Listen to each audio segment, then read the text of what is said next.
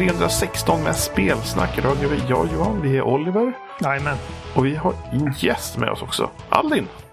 Halloj! Hej! Hallå Aldin, kul att ha dig tillbaka. Ja, det är alltid lika trevligt att komma tillbaka. Våran favoritskåning. Ja, det, ni har ju brist på sådana så. En dansk med oss. Eh, har, har vi någon annan eh, skåning som brukar gästa ibland? Så det är dåligt med, med skåningar. Ja, alltså, du är min favoritskåning i alla fall. Yes! One of one. Eh, så det är alltid någonting. Hur är det med dig? Vad, vad händer? Ja, jag, jag tar det lugnt här, sitter hemma och jobbar. Ska göra det framöver också. Så får vi se vad vad det leder. Spelar Ori samtidigt. Ja. Och det är vad vi ska, vad vi ska prata om främst. För att jag får för mig att du var med när vi snackade om så här, vilka spel vi ser mest fram emot. Mm. Eller så kanske jag bara frågar det på Game jag, jag kommer inte ihåg. Men då sa du Ori and the Will of the Wisps. Korrekt. Det är en av mina topp i år. Ja, Mest eh, efterlängtade. här. Och eh, nu har det alltså kommit ut. Det, det, det är första nya spelet jag köper i år. What? Faktiskt. Hur, Ja. hur fan är det möjligt ens? Vad sa du? hur är det ens möjligt? Jag har inte varit så intresserad av eh, andra grejer som har släppts så här tidigt på året. Ehm, det har varit ganska lugnt, vilket gjort att jag har kunnat liksom plocka upp lite äldre spel med Mm. gott samvete. Eh, som jag har spelat, det, jag har spelat klart San Andreas en, en gång till. Så, precis som Jimmy har ju påbörjat ett nytt varv på GTA-spelen. Ehm, och bara gjort, spelat en himla massa Halo. Alltså, eh, absurt mycket Halo. Vilke, vilken av dem? Eh, allihop. Alltså Master Chief Collection. Och, för att eh, Reach kom ju nyligen. Jag tror det var väl i det, september, oktober. Jag kommer inte ihåg. Eh, så det har jag spelat och nu i förrgår tror jag det var så, så tog jag och Jimmy de sista achievementsen i Halo 5. Så nu är det också klart. Eh, Ni är rediga nördar ni ja. Men eh, så att... Eh, ja, men Ori, första liksom spelet som jag har sett fram emot i år. Eh, och eh, ja. Fan vad gött med Game Pass för övrigt. Jaha, du kör via det? Ja, det var liksom alltså, eh, jag, hade, jag hade ju köpt det oavsett och eh, jag kommer nog köpa den någon gång men just eh, jag kände att den här månaden är det ju både Doom och eh, Animal Crossing som jag vill ha så jag sparar lite pengar eftersom att jag ändå redan har Game Pass. Det är ju bara la, liksom ladda ner. Alltså, Man kan till och med bara- preloada. Låt mig bara poängtera din smak här. Doom och Animal Crossing. Det är liksom ett spektrum som är så otroligt brett.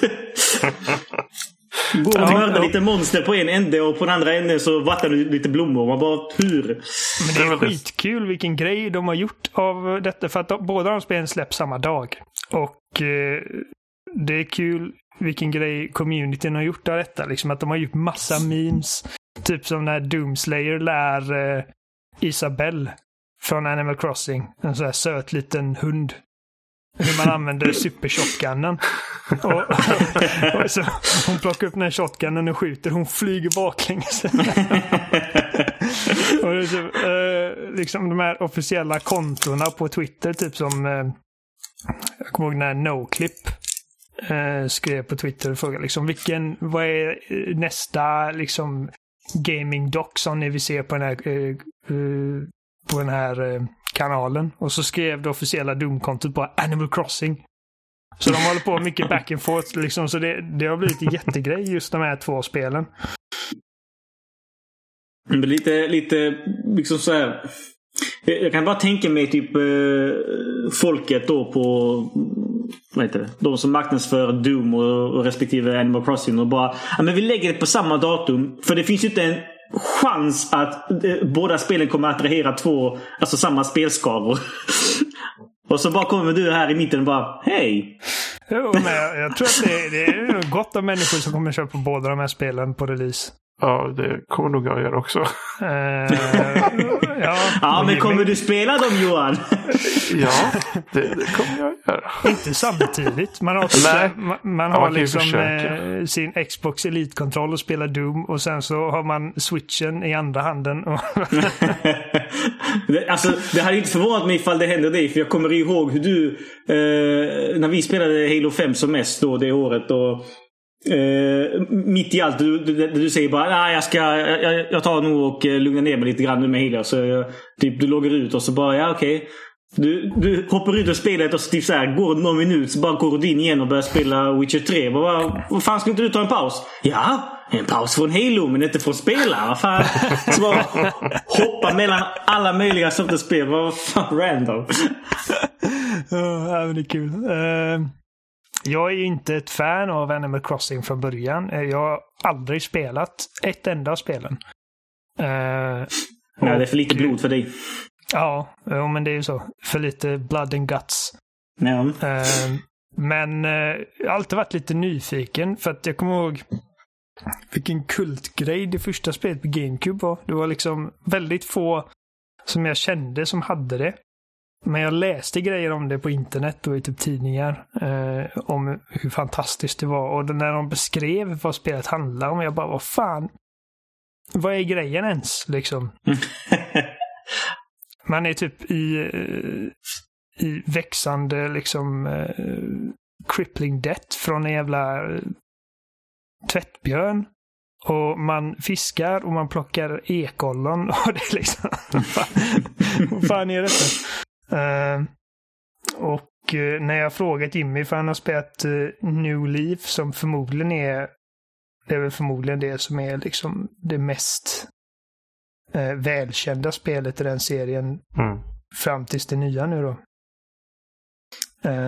Som han har spelat väldigt mycket och jag frågar liksom bara, alltså, så borde jag testa det? Och han säger nej, jag tror inte det är din grej. Så jag har alltid varit lite avskräckt. Men nu med detta, det nya, så, tror, så säger han att eh, det kan vara för mig. För att nu har det lite mer olika typ crafting-möjligheter. Och det, alltså, Jag trodde han skulle säga nu, nu finns det lite vapen. ja. Nu kan du Nej. blåsa huvudet av alla. Nej, Om du inget inte orkar så. Nej, men så, eh, och, alltså, gå in på vilken liksom, Animal Crossing-video som helst på YouTube och läs kommentarerna. Och du, du ser bara liksom massa positiva, jätteglada liksom, människor som är helt as-excited över möjligheten liksom att åh, nu kan man typ flytta sina, sin soffa och grejer. Och jag bara... Och de bara, det, liksom, åh stackars The Last of Us, Cyberpunk, Halo Infinite och Doom Eternal som släpps samma år som Animal Crossing liksom. Ja, för nu, nu kan man inte spela något annat i ett par år framåt Nej. liksom. Animal Crossing är ju givetvis Game of the Year. Det är den nivån som den fanbasen är på. Så jag känner jag måste bara liksom ge det en chans nu. Så att det, det blir båda två av dem nu nästa vecka. Tror du det finns en risk att du kommer bli besviken? Eh, på Animal Crossing? Ja. Nej, Det är klart det, är klart det finns en risk. eh, Men jag har inte så höga förhoppningar. Alltså jag, jag är mest... Det är liksom morbid curiosity vid det här laget. Men Men det, är det, typ, det, är ju ett sånt spel som man typ sätter sig typ någon gång om dagen i liksom, liksom flera år framåt. Liksom bara startar igång och spelar. Det Ja, det för typ, det, går väl i realtid, har jag för mig. det, det, ja, precis. Det går ju i realtid men det är väl lite annorlunda nu än vad var förut. För det var ju förut var den interna klockan på något sätt. Nu är det väl någon form av online-historia, tror jag det var. Ehm, så att du kan ju uppleva nyår och sådana saker i spelet. Ja, och eh, liksom, Fyrverkerier och sånt. du, du får välja. I alla fall det här spelet såg jag på, jag kollade snabbt på den Nintendo-direkten de hade om det nyligen. Och i början av spelet får man välja ifall du bor på den norra eller den södra hemisfären. Ja, just. Eh, och så ifall du är på den norra så har du vinter liksom eh, runt januari och sommar på södra. Eh, och så då baserat på vilken årstid det är och så, så har du olika grejer du kan göra i spelet. Mm. Eh, och det är liksom, jag har inte sett en enda jävel någonstans på sociala medier eller kommentar, kommentarsfält eller i forum och grejer som säger någonting annat än att det här kommer bli Game of the Year typ. jag, bara, jag, jag fattar inte. Liksom, när jag tittar på det, jag bara, vad är detta?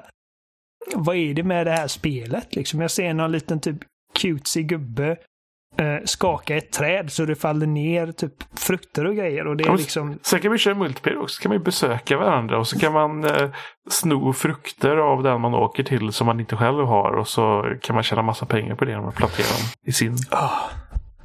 Ja, men jag, jag såg en skitrolig grej. För det har blivit en ny obsession för mig. Det här liksom med relationships från Reddit och så Am I the asshole? Folk som liksom tar fram, berättar om relationsproblem och grejer de har eller typ uh, saker de har gjort som de har blivit kritiserade för men inte förstår. Och så frågar de då folk på Reddit, är jag rövhålet eller inte? Och så var det en kille med sitt jävla Animal Crossing. Jag ska eh, ta fram det här. Det var så jävla roligt. Um,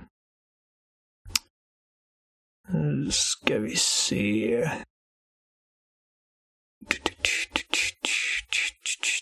Här. So, am I the asshole for telling my girlfriend to get her own copy of Animal Crossing?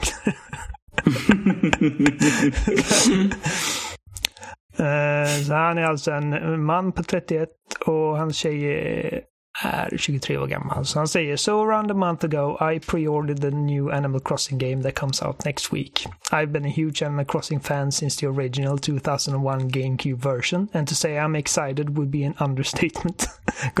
Alla är helt galna.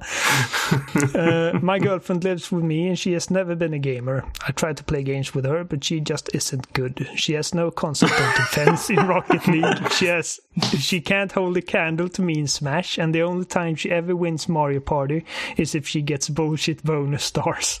you get the point. Gaming just isn't her thing, which is fine. I still love her and it's never been an issue. The other day she apparently stumbled upon a YouTube video of the new Animal Crossing game. Precis som jag gjort. Jag bara uh, and started telling me how excited she was to play.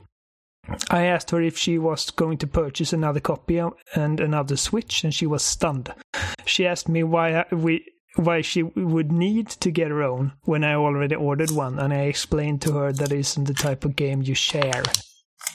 She got all upset and told me that she thought it would be cute to live in the same village and be neighbors, and I told her that simply wasn't the case. There's only one town per game, and I don't want somebody who has zero concept of how the game should actually be, be played, making decisions that negatively affect my, my town. I don't want her stealing exotic fruits from my orchard that I plan to sell. I don't want her buying furniture from Tom Nooks that I might want to adorn my living room with, and I certainly don't want her placing her house next to mine because she, uh, she thinks it's cute, thus spoiling what I plan to develop into a lavish estate. she told me that it, they it was just a game and she thought we could bond over it but we never been, been able to bond over games so why start now? Of course she doesn't get that it's a game in which grinding and planning is key. I can't be prevented from carrying out my vision simply because she wants to run around with her dumb ass pink haired character catching butterflies or making a constellation out of our initials which i know she would do I told her it was nothing personal, that I still love her, but she started crying and told me that she doesn't want to play the stupid game anyway. I kind of feel bad, but I also feel like it's unreasonable for her to just assume she can just insert herself into one of my passions without considering how disruptive doing so actually is. I make more than her, so I even offered to buy her her own console and game, but she said she that wasn't the point and now I'm lost. Am I the asshole? Och det är liksom alltså, hela Die Hard. Vissa människor är det här liksom. Jag vill inte att hon ska sno exotiska frukter som jag ska använda till mina, mina planerade mål. Och, uh, hon ska inte Tyck, köpa möbler jag, som jag har planer för. Jag tycker inte han är rövhålet. Jag tycker Nintendo är rövhålet som tog beslutet att det bara kommer vara en ö per konsol. Alltså jag delar den här med Jimmy och att både han och jag, liksom, jag tror att vi sa det att alltså jag förstår problemet liksom att man, man har typ man har sina mål och man vill liksom inte att det ska störas. Men samtidigt sättet han kom, kommer, alltså hur han presenterar sina problem. Jag bara, jag vill inte att hennes jävla rosahåriga dumma karaktär ska komma och fucka upp min liksom passion. Ja, nej. Så han är lite the asshole. Ja. Eh, för han är så elitistisk och liksom... Jo, okej Oliver. Okej. Nu, nu, nu, nu, nu bromsar vi här lite grann. Om din fru nu hade eh, valt att sätta sig bredvid dig och bara säga Ja men nu ska vi, jag och du, lira liksom eh, eh, Halo och- på professionell nivå. Liksom hoppa in direkt i den eh, djupa delen av bassängen och nu ska jag och du vara i samma lag och spela. Vad hade du gjort?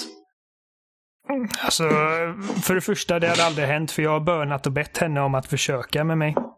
Inbilla dig nu att det händer. Så men Okej, ja. Jag har försökt få henne att spela med mig, men det går inte. Hon, hon, hon är inte professionellt. Som du hade varit... Ja, jag snackar inte nu om att du går in i ett jävla party och latchar runt. Jag menar liksom legit professionellt nu. Du går in och eh, försöker liksom ansluta dig till turneringar världen över. Och hon bara, ja men jag vill också spela nu. Hur Okej, hade ja, du reagerat? Det, det är ju en helt annan sak. Den här människan är ju inte en professionell cityplaner i Animal Ja. Crossing. Du, det vet Eh. inte du.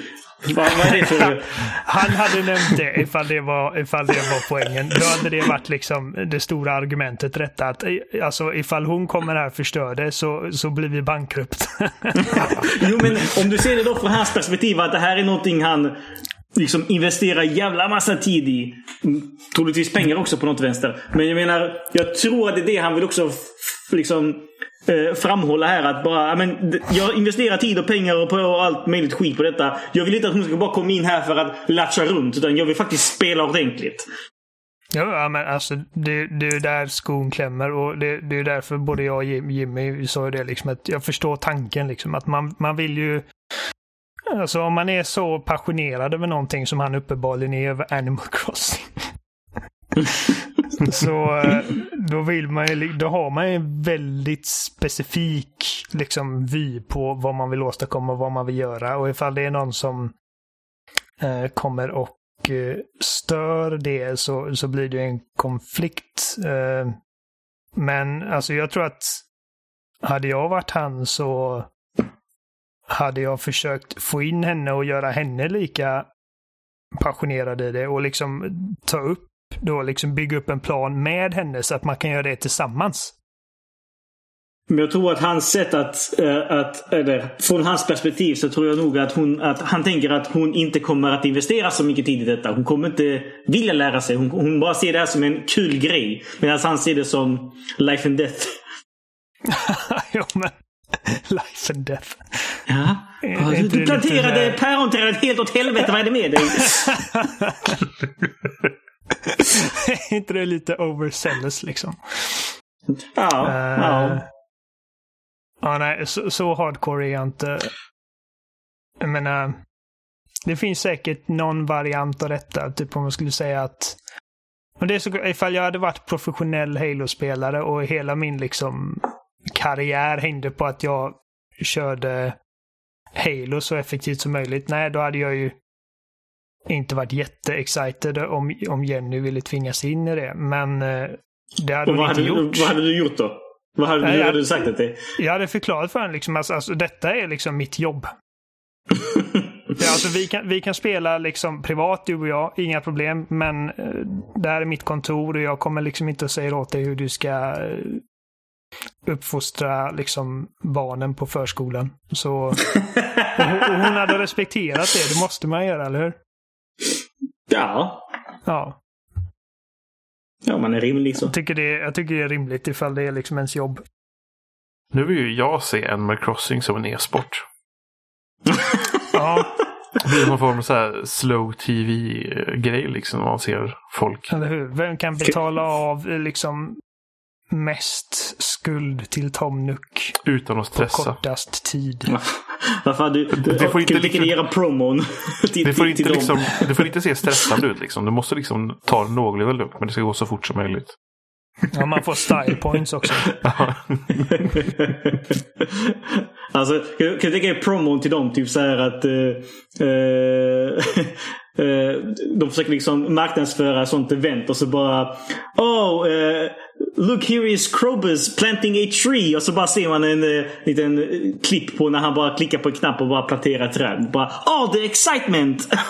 och jävla random grejer. Och sen liksom x antal liksom, minuter senare liksom bara Åh, nu börjar det växa.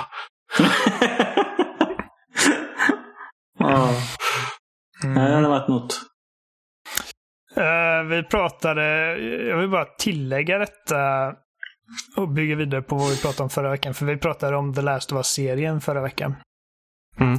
Uh, som HBO gör med Neil Druckmann och Craig Mason. Uh, och då diskuterade vi lite kort om, liksom, tror vi att det blir en serie som är liksom baserad på samma berättelse eller är det en serie med en ny berättelse som utspelas i samma universum? Och jag sa det att liksom alltså med allra största sannolikhet så eftersom att hela den här berättelsen bygger så mycket på just de här karaktärerna så, så är det de karaktärerna vi kommer få återse och det har nu i princip bekräftats eftersom att Neil Druckmann sa att uh, vi kommer få återse Ellie, uh, Riley, um, ja, och vilka det nu var. Alla de här liksom karaktärerna uh, som, som var med i spelet. Mm. Uh, och det... Nu har det också, sen, sen vi spelar in senast, har det också bekräftats att det faktiskt är Gustavo Santaolalla som, som komponerar soundtracket precis, precis ja, som i spelen.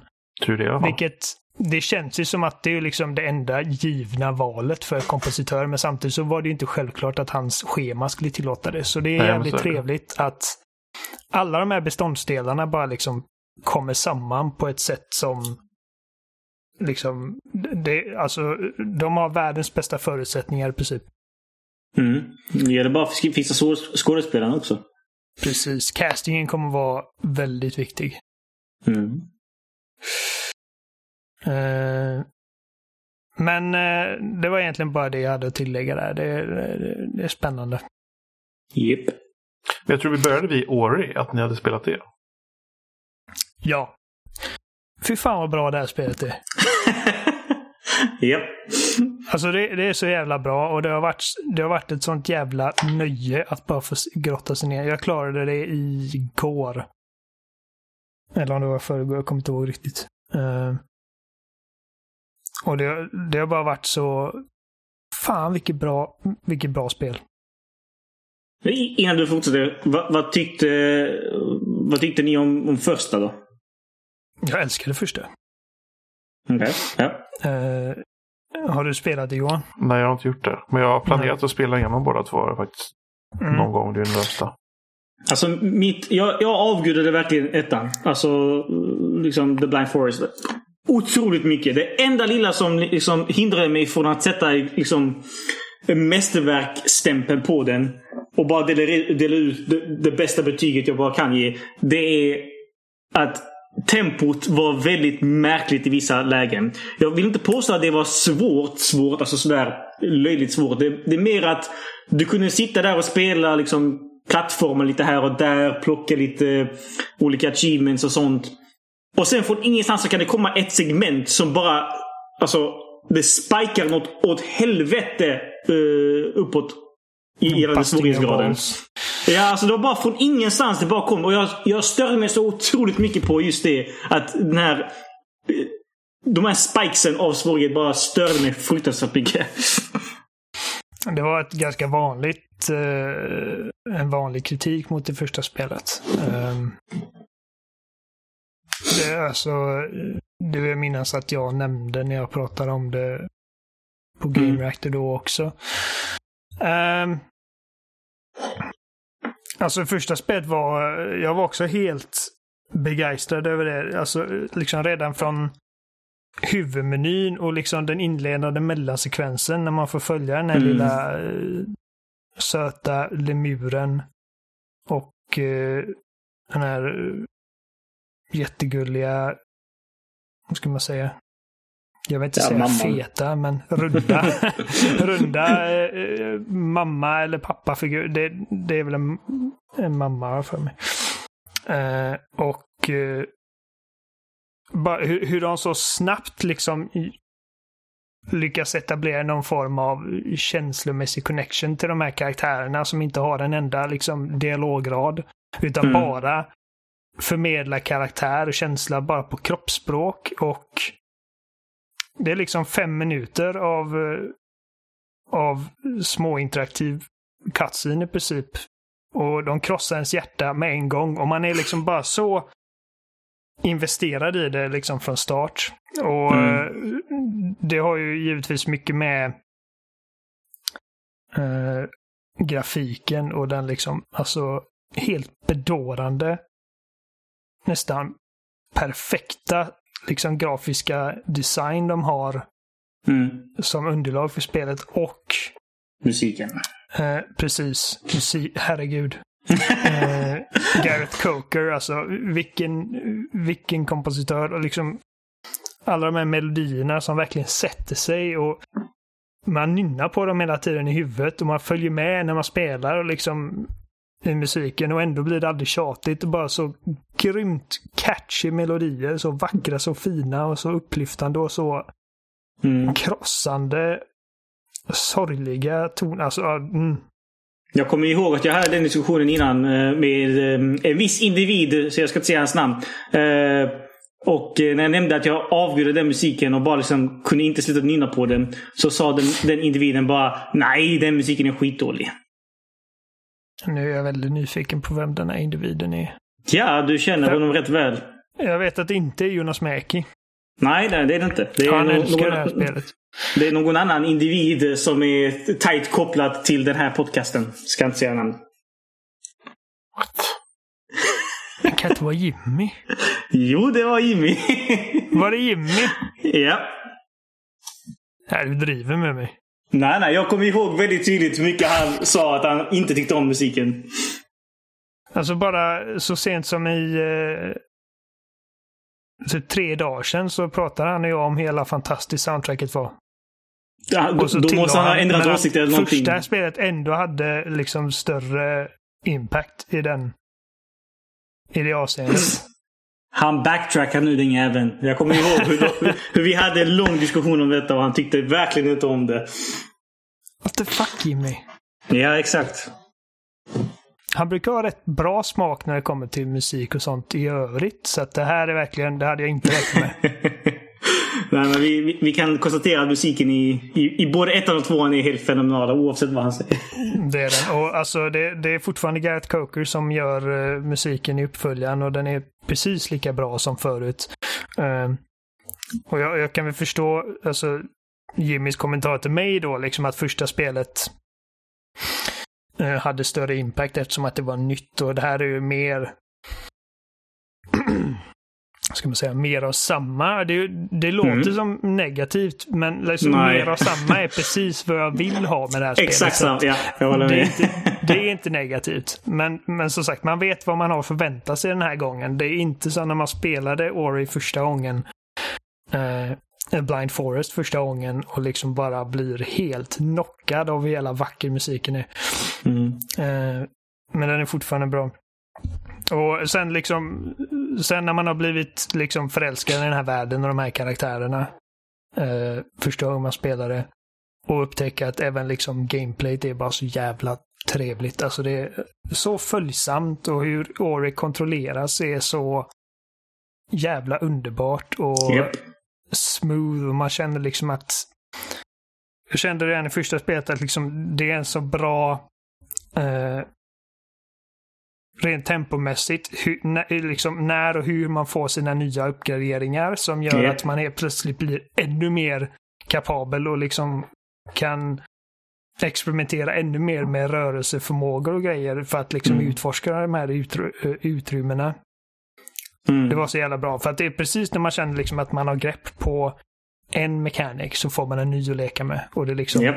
gifter sig så jävla bra med helheten. Och Ja, ja det, det känner jag att det, det är exakt samma här. Alltså just eh, spelbarheten är nog det, det bästa. Om man ska typ rangordna allt det bästa med Ori. Eh, så är nog just spelbarheten helt verkligen top notch. Bland, bland det bästa som går att ha i ett spel någonsin. Alltså det, jag kommer ihåg, eh, vad heter han, Ken Levine, skaparen av Bioshock. Han pratade väldigt mycket om när Bioshock höll på att skapas. Att, visst att Bioshock har en riktigt bra story och så, men om inte spelbarheten är bra och det anpassas efter eh, efter själva, vad heter det? Efter, det ska ju anpassas för att det är ett spel. Och det var det, exakt det han siktade på som fan då när, under skapelsen. Uh, och, och, Det slår mig om och om igen här i Ori. Visst, vi kan ju liksom berömma musik, design, uh, upplägget och, och, och banstrukturen och alltihopa. Visst, det kan vi. Men om inte spelbarheten gör, liksom, tvinnas igenom alltihopa då, då är det rätt värdelöst oavsett. Uh, och just, alltså just Ori har ju lyckats så otroligt briljant på den punkten. Mm. Ja, det finns liksom inte en enda beståndsdel som inte fungerar. Liksom. Allting mm. fungerar. Och jag vet att, uh, jag tror att förutom det här med difficulty spikes och grejer så var det väl kanske strider som fick lite flack i första spelet. Och det känner jag att det har de definitivt haft oh, ja. prioritet till den här ja. gången. Att uh, det ska kännas bättre. För att i första spelet så var det mer att man, man tryckte på attackknappen och så kom det små, jag vet inte ens hur jag ska beskriva det, typ som små projektiler som automatiskt trackade fiender i din närhet. Så det enda du behövde göra var i alla fall om man tar det i liksom sin mest simpla form. Eh, tidigt i spelet. Att du liksom fokuserar på att röra din karaktär så att du inte blir attackerad själv och så trycker du på X-knappen eh, och attackerna sköter sig själva i princip. Mm. Eh, här har du mer regelrätta vapen du, du använder. Eh, de har också gjort sig av med spelets skill tree. Och eh, jag känner att de har tittat lite på Hollow Knight. Uh, för att det påminner väldigt mycket om det, att du liksom låser upp uh, vad är det det kallas i spelet, de här man hittar? Shards. Uh, Speed shards. precis. Ja, de har ju en equivalent i uh, Hollow Knight, liksom att du hittar så kallade shards. Uh, runes eller vad fan det kan heta där. Och de ger dig en viss bonus som exempelvis att du gör så här mycket mer skada när du är under ett visst streck på din hälsomätare eller du kan eh, numera eh, slå tillbaka fienders projektiler med milevapen och sådana grejer. Och så får du välja, så har du liksom eh, ett visst antal slots att sätta de här i. Så att du har aldrig tillgång till din fulla arsenal utan du får väldigt noggrant välja ut vilka abilities som du vill använda. Jag, jag tycker det, det systemet är bra men det finns en, en det finns en brist. Tycker jag, har jag märkt i alla fall nu. Eh, som förenklade lite, lite väl för mycket. Du kan ju byta ut både de här spirit shards och dina egna skills. Lite hur du vill. Ja, precis. Eh, det lilla problemet jag har med det är att det finns ingen cooldown överhuvudtaget. Eh, mellan att du byter. Vilket innebär att Visst, de, de gör ju det för att handkontrollen ska ju vara och spelbarheten ska öka. Men du kan ju byta när som helst. Så, så fort en situation kräver att du ändrar någonting då kan du göra det liksom när som och klara av en viss del. Jag hade tyckt att det borde finnas någon cooldown. Jag vet inte hur det skulle implementeras men någonting som säger att okej okay, nu har du precis eh, bytt så då får inte du lov att använda den här skillen förrän om några sekunder. Ett exempel jag kan ge är att eh, jag har på Y-knappen har jag bindat, jag spelar då på Xbox One, eh, eh, bindat eh, pilbågen. Eh, liksom som standard helt enkelt. Och så fort jag märker av att eh, oh, nej, jag har lite liv. Då byter jag till eh, skillen att hila mig. Eh, liksom läka mig själv. Och då finns det ingen kod där. Och i och med att du under tiden du byter vapen och byter skills så stannar ju tiden. Vilket innebär att du när som helst kan bara byta mellan pilbåge och healing när det väl krävs av dig.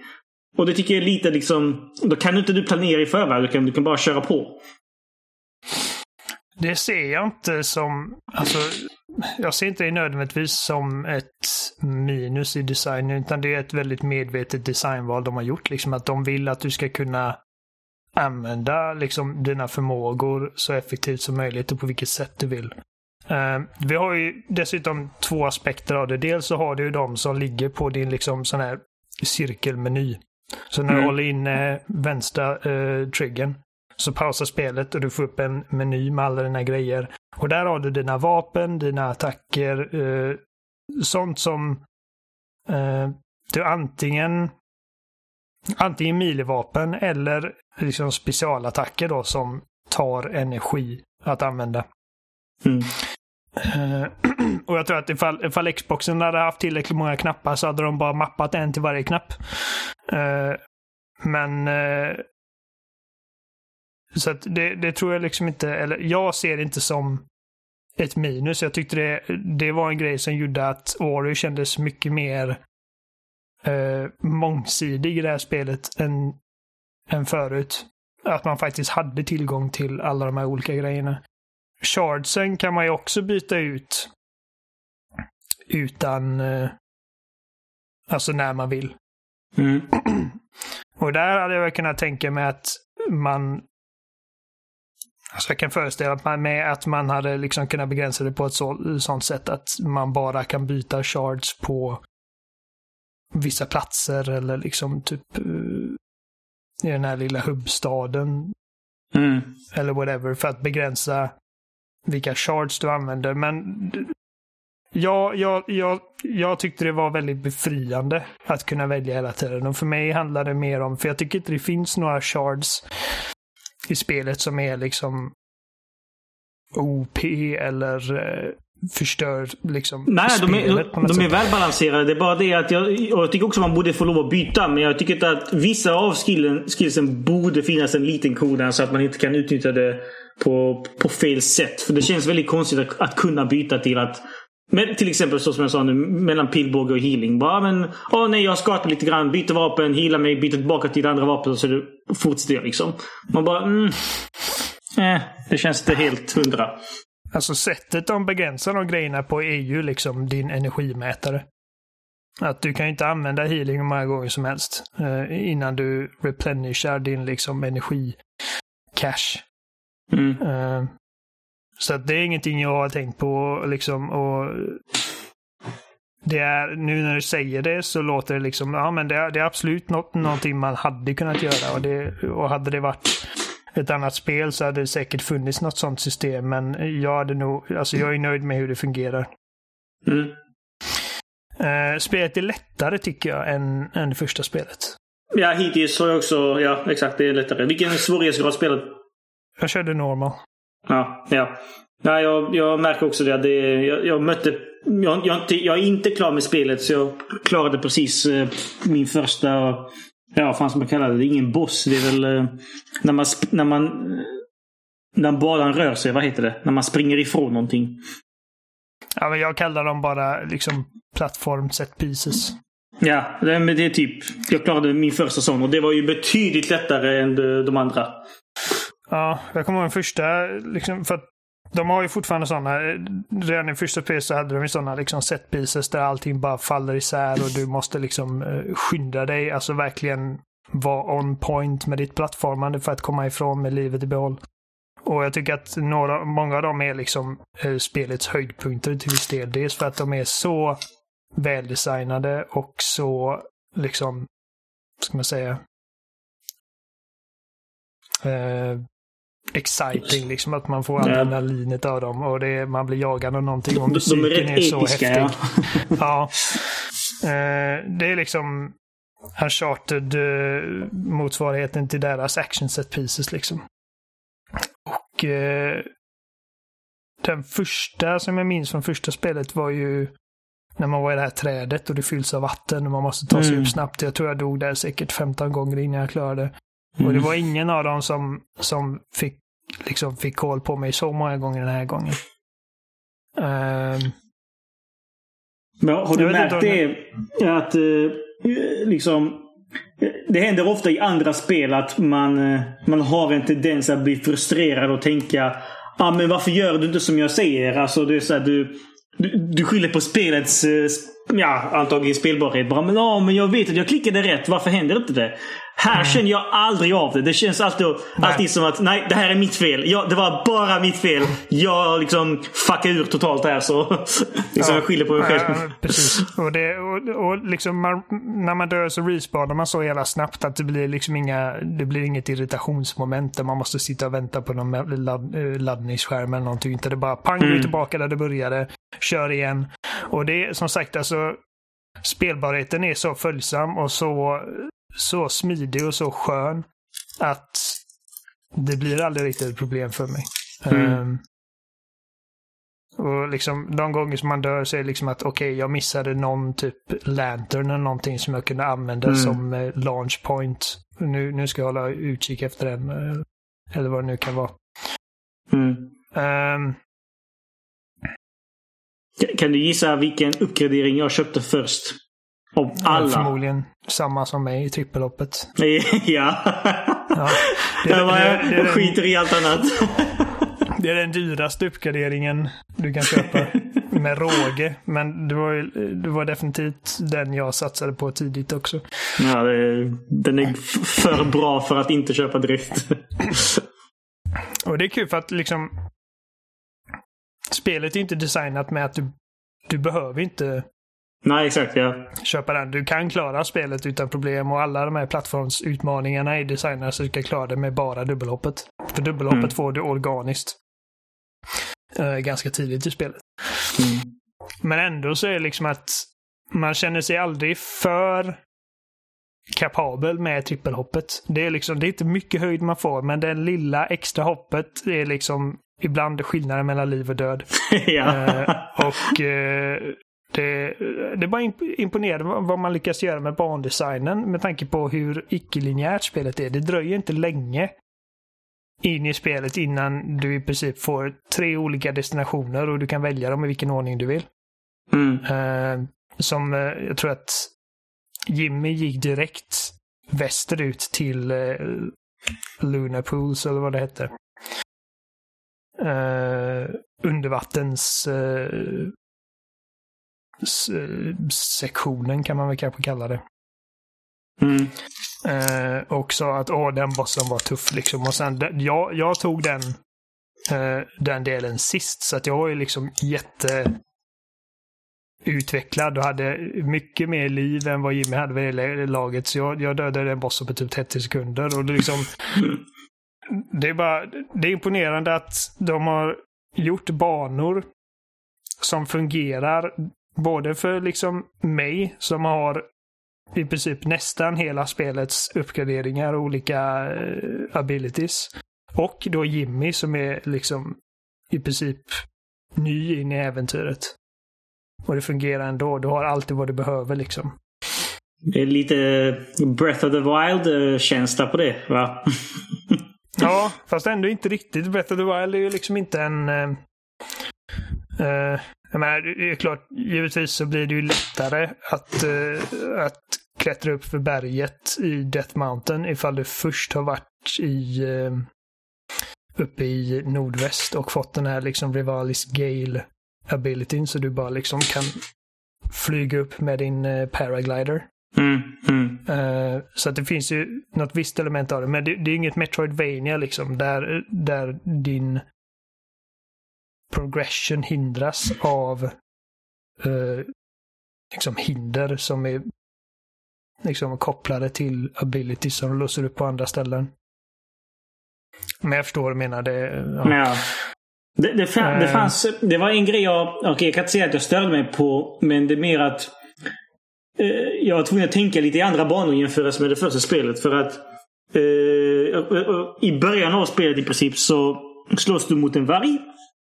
Och eh, vargen tappar typ en, en tand. Och så måste man hämta den här tanden eh, som ett sidouppdrag. Mm. Och du går och pratar med en, eh, vad fan heter de, Mocky eller vad de heter. Eh, ja. och, så, och så säger de bara ah, men eh, gå österut och hämta tanden. Och jag bara ah, okej okay, då går jag väl österut och hämtar tanden. Och jag tror det var till och med första sidequesten av alla. Ja, det är så- väldigt tidigt. Ja, och så, så går jag då österut och kommer till liksom ett plattformssegment. Och jag bara, "Ah, men jag ska hoppa upp här. Så bara, nej jag, jag når inte upp hela vägen. Så jag, jag, då tänkte jag automatiskt, eftersom spelet är uppbyggt att ah, men du får gå vart du vill. Och då tänkte jag, ah, men jag ska, meningen är inte att jag ska kunna nå upp dit. Så jag väntar med detta. Och så gick jag runt hela hela banan och försökte liksom lösa alla möjliga pussel hit och dit, hit och dit. För att eh, liksom, ja, men jag, jag går vidare i spelet och återkommer hit. Tills jag insåg att nej, nej, jag måste gå det hållet för att kunna gå vidare. Men jag hade ingen aning om att jag faktiskt skulle klara av det. Så jag, upptäckte det här att jag gav upp mycket, mycket lättare när jag tänkte ah, men här ska inte jag gå, jag går någon annanstans. För jag kan inte komma över det.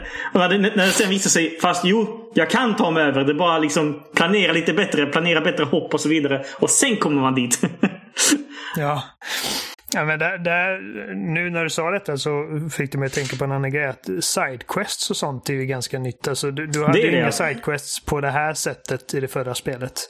Mm. Eh, utan du har liksom karaktärer du kan prata med och det finns liksom en liten by. Eh, väldigt centralt på världskartan. Eh, där det inte finns några fiender utan där liksom alla, alla där är liksom allierade eller eh, typ vänliga NPCer som har sina egna problem som du kan lösa. Liksom det är en, en snubbe som vill återbygga den här liksom lilla byn eh, så att fler människor, eller människor, varelser kan flytta in. Eh, för att resten av världen har liksom har ett problem med corruption liksom. Det, det tar över dem. Eh, och gör dem, eh, ska man säga, förändrar dem. Negativt, antar jag. och, eh, men han behöver liksom råmaterialet för att göra detta. Så det här råmaterialet hittar man liksom. Det är som collectibles, precis som eh, energy tanks eller life tanks. Eh, och eh, det är sådana grejer som att eh, det kostar dig ett visst antal sådana här Gorlek ores att bygga fler hytter, vilket gör att fler sådana här Moki-apor kan flytta in i byn, vilket gör att du har fler NPCer att prata med och potentiellt få andra sidequests av. Um, och det finns en snubbe som har en trädgård och liksom du planterar uh, små frön som du hittar genom spelets gång som ger dig um, andra fördelar när du utforskar den lilla byn. Och uh, det var alltså jag tror det första sidequestet som jag klarade var det var en sån här liten söt mockeapa som sa att han ville flytta in i den här byn. Eh, och eh, så jag, jag såg till att jag byggde lite, lite hytter så att han kunde flytta in. Så sa han, åh, kan du springa och hämta min familj? Eh, för de bor eh, borta i Silent Woods eller vad fan det heter. Och säga att vi har ett hem här nu.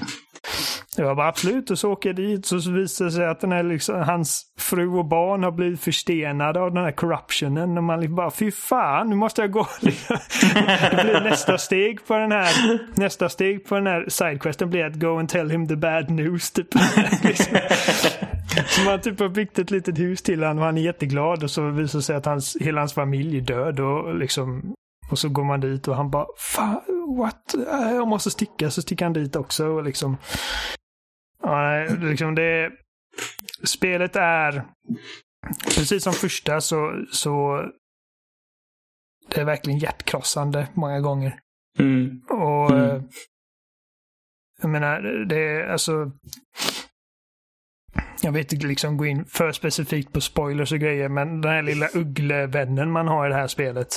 Så Mm. jävla söt och sättet som den här ugglan eh, blir i princip skadad liksom. Så att det, det är i princip tanken med spelet är att man ska ju liksom försöka hela sin kompis genom Mm. att samla de här ljuswispsen. Och man tycker så jävla synd om den jävla ugglan och Man tycker så synd om den där jävla ugglan. ja. Och det här, det här är första spelet i spelhistoria som har fått mig att sympatisera med ett stort spindelmonster. Har, har du klarat den bossen? Eller? Nej, men jag, jag har... Eh, jag har råkat läsa några delar av spoiler reviews som har liksom råkat avslöja vissa grejer. Ja. Ja, men då ska jag inte gå in så mycket på det. Men liksom det är typ... Det, det har så mycket hjärta det här spelet och det, det är så... Liksom, nu är det mycket mer dialog i det här spelet än vad det var i förra eftersom att det finns många karaktärer man kan prata med. Uh, men ändå liksom, som sagt, återigen, hur starkt emotionellt liksom knuten man blir till de här karaktärerna som egentligen inte pratar så mycket. Uh, och det är alltså, som sagt, vi, vi, har pratat om musiken, vi har pratat om grafiken, vi har pratat om spelbarheten. Liksom, storyn, mm. alltså själva manuset. Det är ju inte mycket, liksom, det är inget jättespeciellt egentligen, men de lyckas med så mycket med så simpla medel. Ja. Men det, är liksom, det bästa beskriver det är bara mysigt. Det är otroligt mysigt. mysigt och charmigt. Och, ja, och liksom som sagt, det är inte bara fun and games. Det är liksom, alltså det är riktigt sorgligt emellanåt.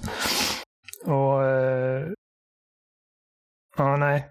Precis som med Kuro, den här stora jättefågeln som terroriserade genom hela spelet förra, förra, eh, i förra spelet. Säg inte, Så... inte för mycket för om Johan ska spela det. nej, nej, nej, men alltså liksom...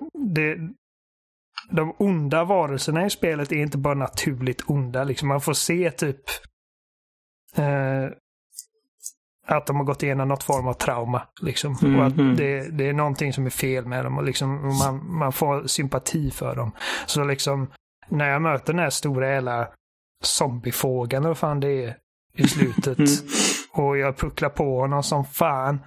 Och, och i slutändan, så det enda jag vill göra är liksom, det enda jag hoppas ska hända är att man får chansen att liksom jag vet inte, var snäll mot den istället.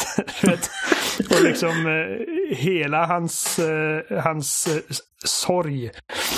Det är bara så briljant skrivet liksom. Eh, som sagt, storyn är så simpel, så, eh, så ändå ganska liksom tunn, men ändå så effektiv. Och det är ingenting som man, det är inte lätt att göra alltså. Nej, de är men nu, nu, nu har vi ändå liksom höjt spelet till skyarna. Finns det någonting som, som du inte gillar? För jag kan säga att det, det finns mm. en grej som jag verkligen hatar. Det, jag, jag har funderat lite på det. Alltså, inte egentligen. Alltså ingen sån här stor grej som, som förstör upplevelsen. Ingenting som jag eh, det är definitivt inte ett sånt spel som, som jag direkt kan peka på och säga åh vilken potential det hade, men den här grejen förstör hela upplevelsen. Typ som Mafia 3 eller Metal Gear Solid 5 eller, eller vad det nu kan vara.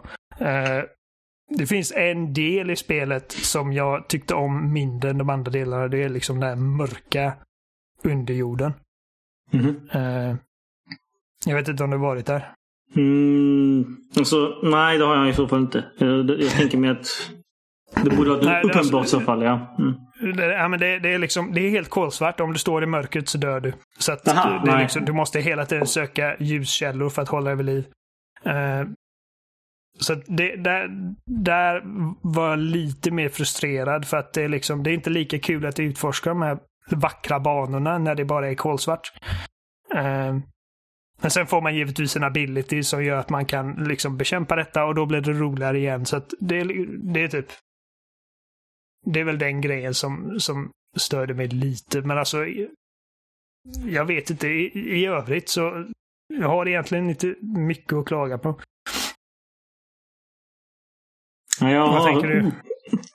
Den tekniska biten. Uh, så, som jag skrev till dig häromdagen. För mig tar det minst... Jag, jag testade i, i, i morse igen. Jag måste starta om. Alltså, jag, jag klickar på uh, Ori. Xboxen startar. Den håller på att ladda mm. den här lilla ikonen när Ori håller på att springa.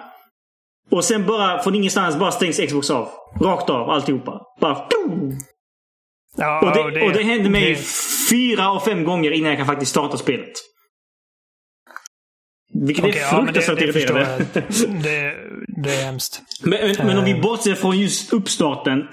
Jag stör mig också, och det är sån här grej att jag vet inte riktigt hur man skulle kunna lösa det på ett bättre sätt. Men jag stör mig lite grann att jag är lite för beroende av karta. I form av att om jag säger så här, ah, men jag är på punkt A och jag ska ta mig till punkt B. Och så börjar jag gå. Och så kanske efter en minut bara... Ah, Okej okay då, vad fan är jag?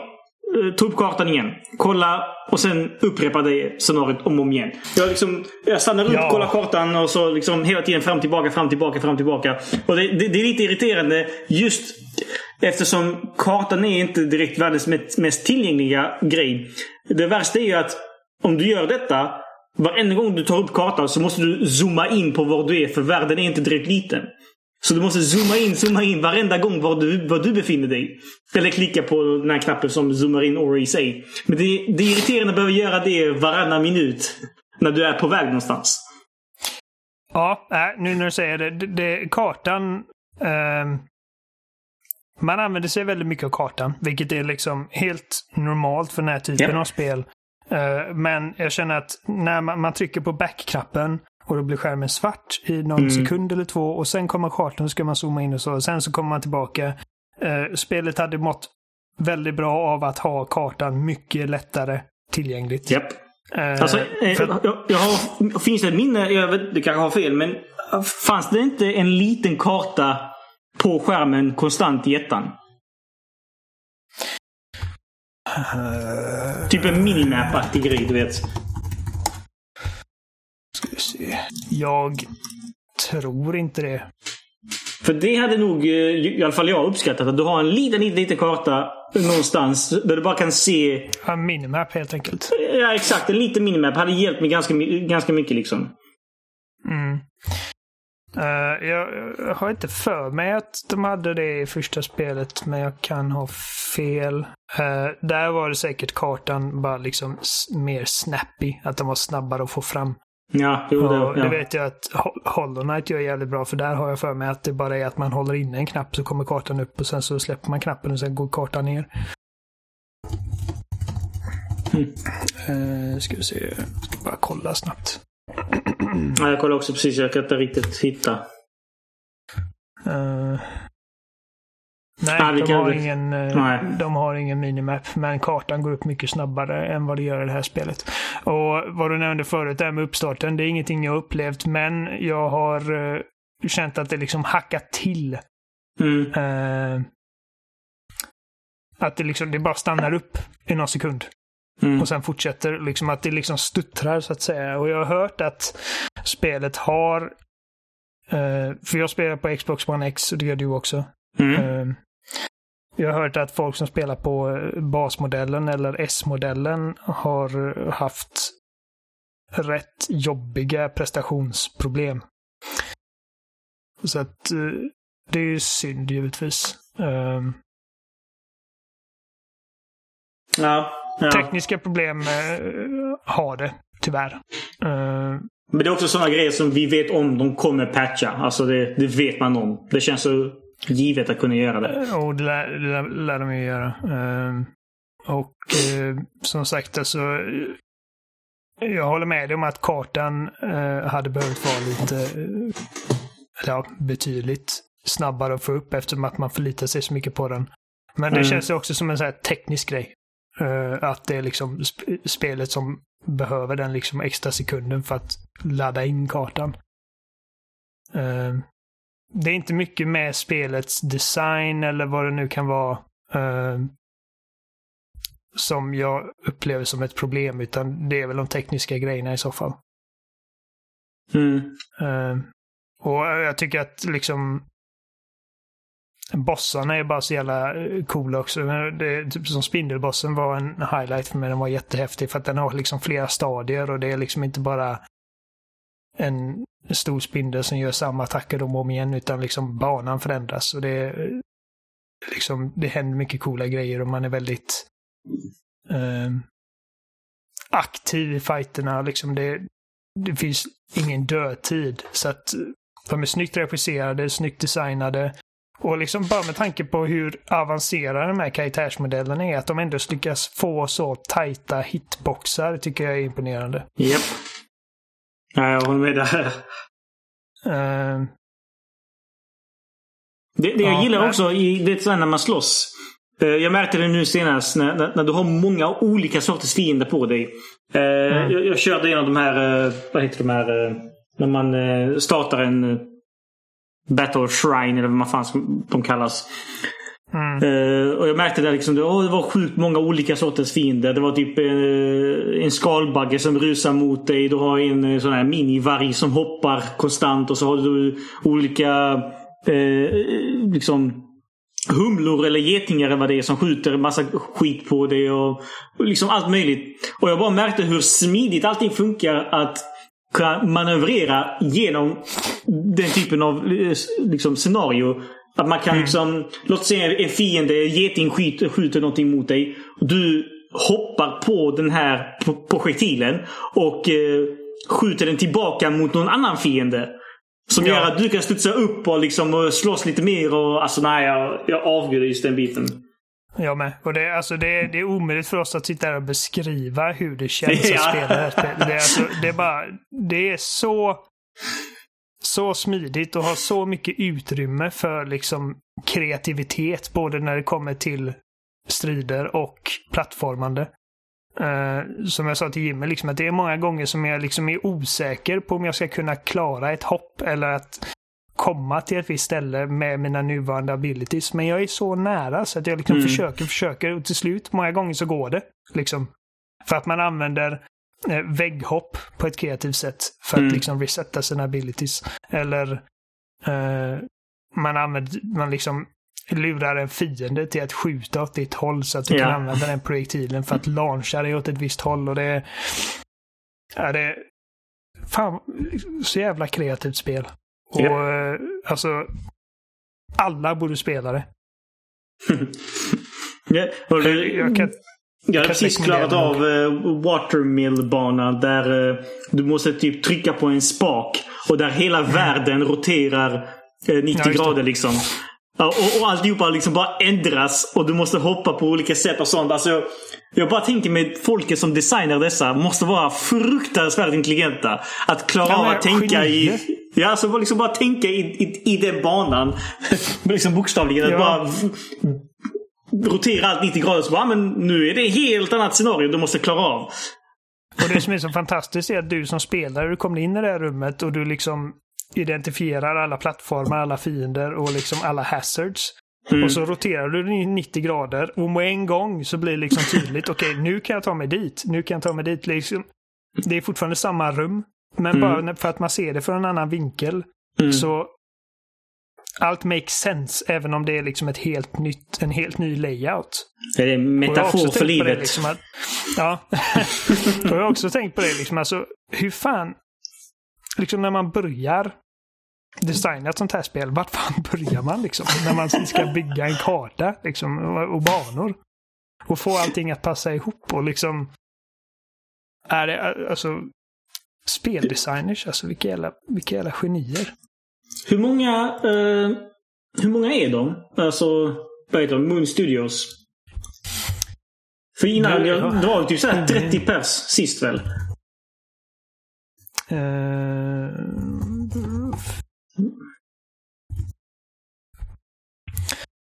så antalet uh, anställda idag enligt Google är 190.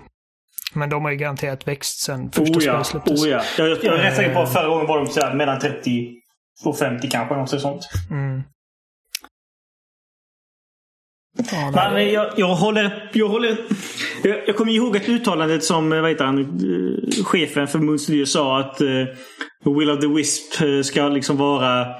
Vad var det han sa? Typ så här Super Mario 3 till uh, Super Mario 1. Alltså mm. den metaforen, om man ska säga, liknelsen. Uh, uh, och jag kan hålla med till viss del, men inte riktigt där. De är inte riktigt, riktigt, riktigt där. Men om de fortsätter Nej. på den här banan så tror jag nog att de kommer liksom... Jag tror tredje spelet i serien kommer vara helt absurt jävla överbra.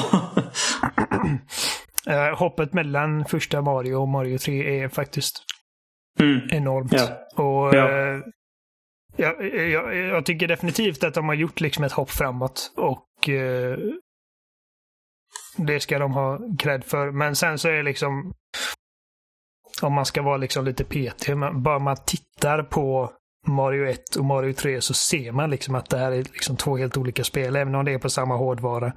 Mm. Uh, Och att det har hänt väldigt mycket. Bara man tittar på en screenshot. Riktigt så är det inte med detta. Alltså, de, se, de ser ju nästan likadana ut. Eh, bara för att de satte grafiken så perfekt redan första försöket. Så att, eh, men definitivt liksom sett till eh, bara verktyg du har. Så Mm. har de gjort ett enormt steg framåt. Ja. Ja, det är alltså... Jag har svårt att komma på grejer liksom, som jag inte gillar med det. Och jag tycker liksom att... Ja, jag kan inte rekommendera det nog. Ja, samma här.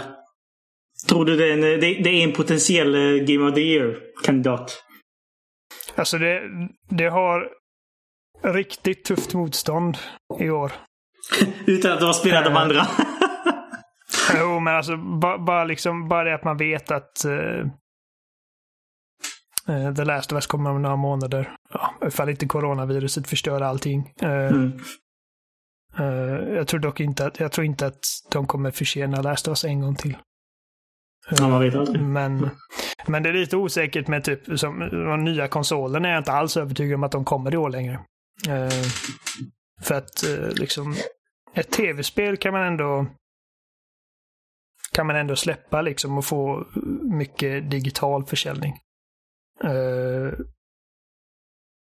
Jag vet att det är många filmer som har skjutits upp eh, på obestämd tid. Många filmpremiärer. För att det kräver liksom att folk faktiskt lämnar säkerheten i sina hem och utsätter sig för folkmassor. Mm. Eh, första eh, filmen som försenades som knäckte mig var ju No time to die. Från april till november. Eh, ja. Men nu har även jag såg att John Krasinski hade gått ut på Twitter och sagt liksom att vi skjuter upp Quiet Place 2. Som har, den ska ha premiär nu. Alltså den kommande veckan egentligen. Ja. Eh, och eh, den, har inte, den har liksom inte ens ett nytt datum. Och eh, Mulan har skjutits upp och Disney har ju liksom lagt alla produktioner av liksom alla de här Marvel-serierna på is. Och jag såg också att eh, produktionen av The Batman har stoppats. Och liksom, alltså hela världen har bara liksom stannat. Men eh, Mm. tv-spel är, det är liksom en annan bäst eftersom att eh, folk faktiskt kan ta del av det utan att lämna hemmet. Så vi får se hur det liksom påverkar planerade spelsläpp nu den kommande månaderna. Konsolerna är en helt annan femma. Mm. Där har man ju tillverkningsaspekten också. Ja. Precis. Liksom folk i fabriker och det är... Ja. Nej, jag, jag tror att eh, konsolerna kommer nog dröja. Å andra sidan så, alltså Kina börjar ju komma tillbaka. Så just tillverkning kanske är på väg tillbaka oavsett snart. Alltså, man kan alltid hoppas. Det, Mm. Kina har ju haft det längst. Eh, jag tror att eh, det kommer inte sakta in för oss än på ett tag. Nej. Nej. Alltså, det, det, jag har eh, aldrig upplevt något liknande. Men nu, är inte jag, nu har inte jag levt jättelänge, jag är 30 år gammal, men det är liksom... Jag och Jenny skulle på... Hon är gravid i 20 veckan nu. Och eh, vi skulle på eh, ett eh, inbokat eh, besök hos barnmorskan i fredags.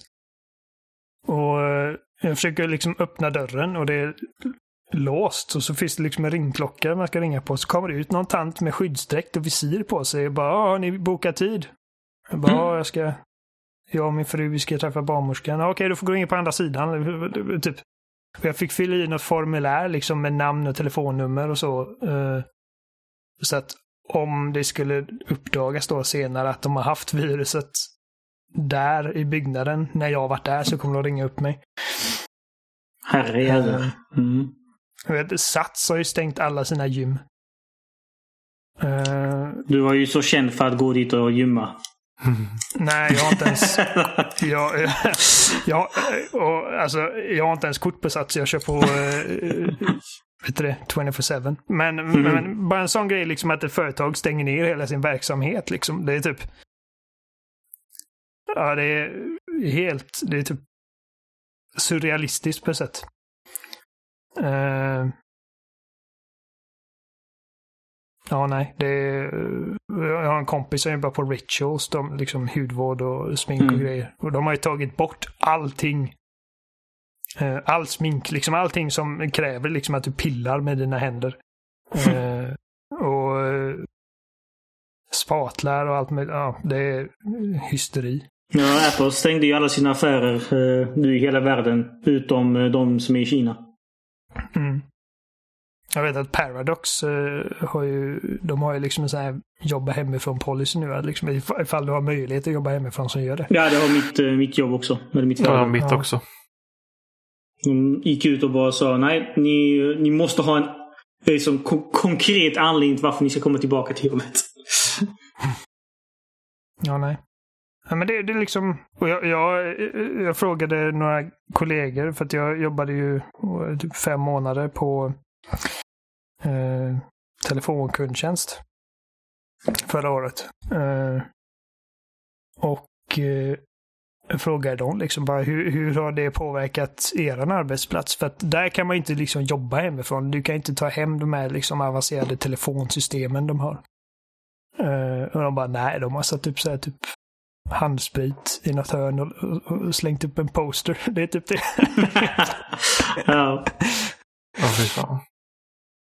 Naja, det löser väl sig i slutändan för både alla andra och spelvärlden. ja, det kommer det göra. Eh, mänskligheten kommer överleva detta också. Men det är, det är bara lite läskigt vad det liksom gör med, med samhället. Liksom hur, som Jimmy har sagt när han och jag har pratat om liksom hur skört allting är. Att liksom någonting sånt här händer så allting bara kollapsar. Och det är när ingen är ute och handlar eh, grejer så påverkar det ekonomin. Och... Eh, ja, nej, det är... Ja. Jag hoppas, jag hoppas den här skiten blåser över snart. Ja. Ja, det var väl allt jag hade den här veckan tror jag. Mm. Ja, jag tror inte jag har så mycket mer.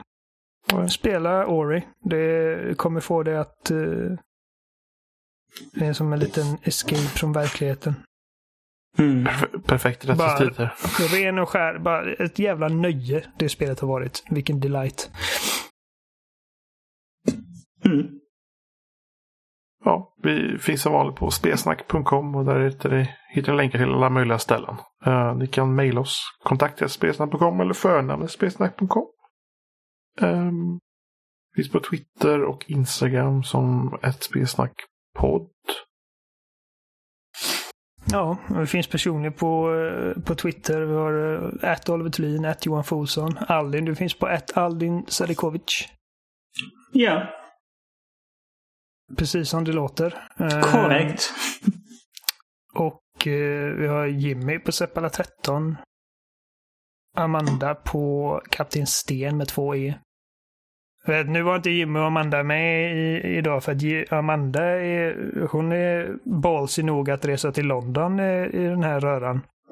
Och eh, Jimmy är i Uppsala och latar sig. Mhm. Eh, men de är tillbaka nästa vecka mest troligt. Och Då får du ta upp eh, varför han hatar eh, Oris musik. Ja, jag Eller- ska, jag ska grilla honom om detta. Det låter inte alls... eh, Det är lite oroväckande faktiskt. För hans mentala hälsa.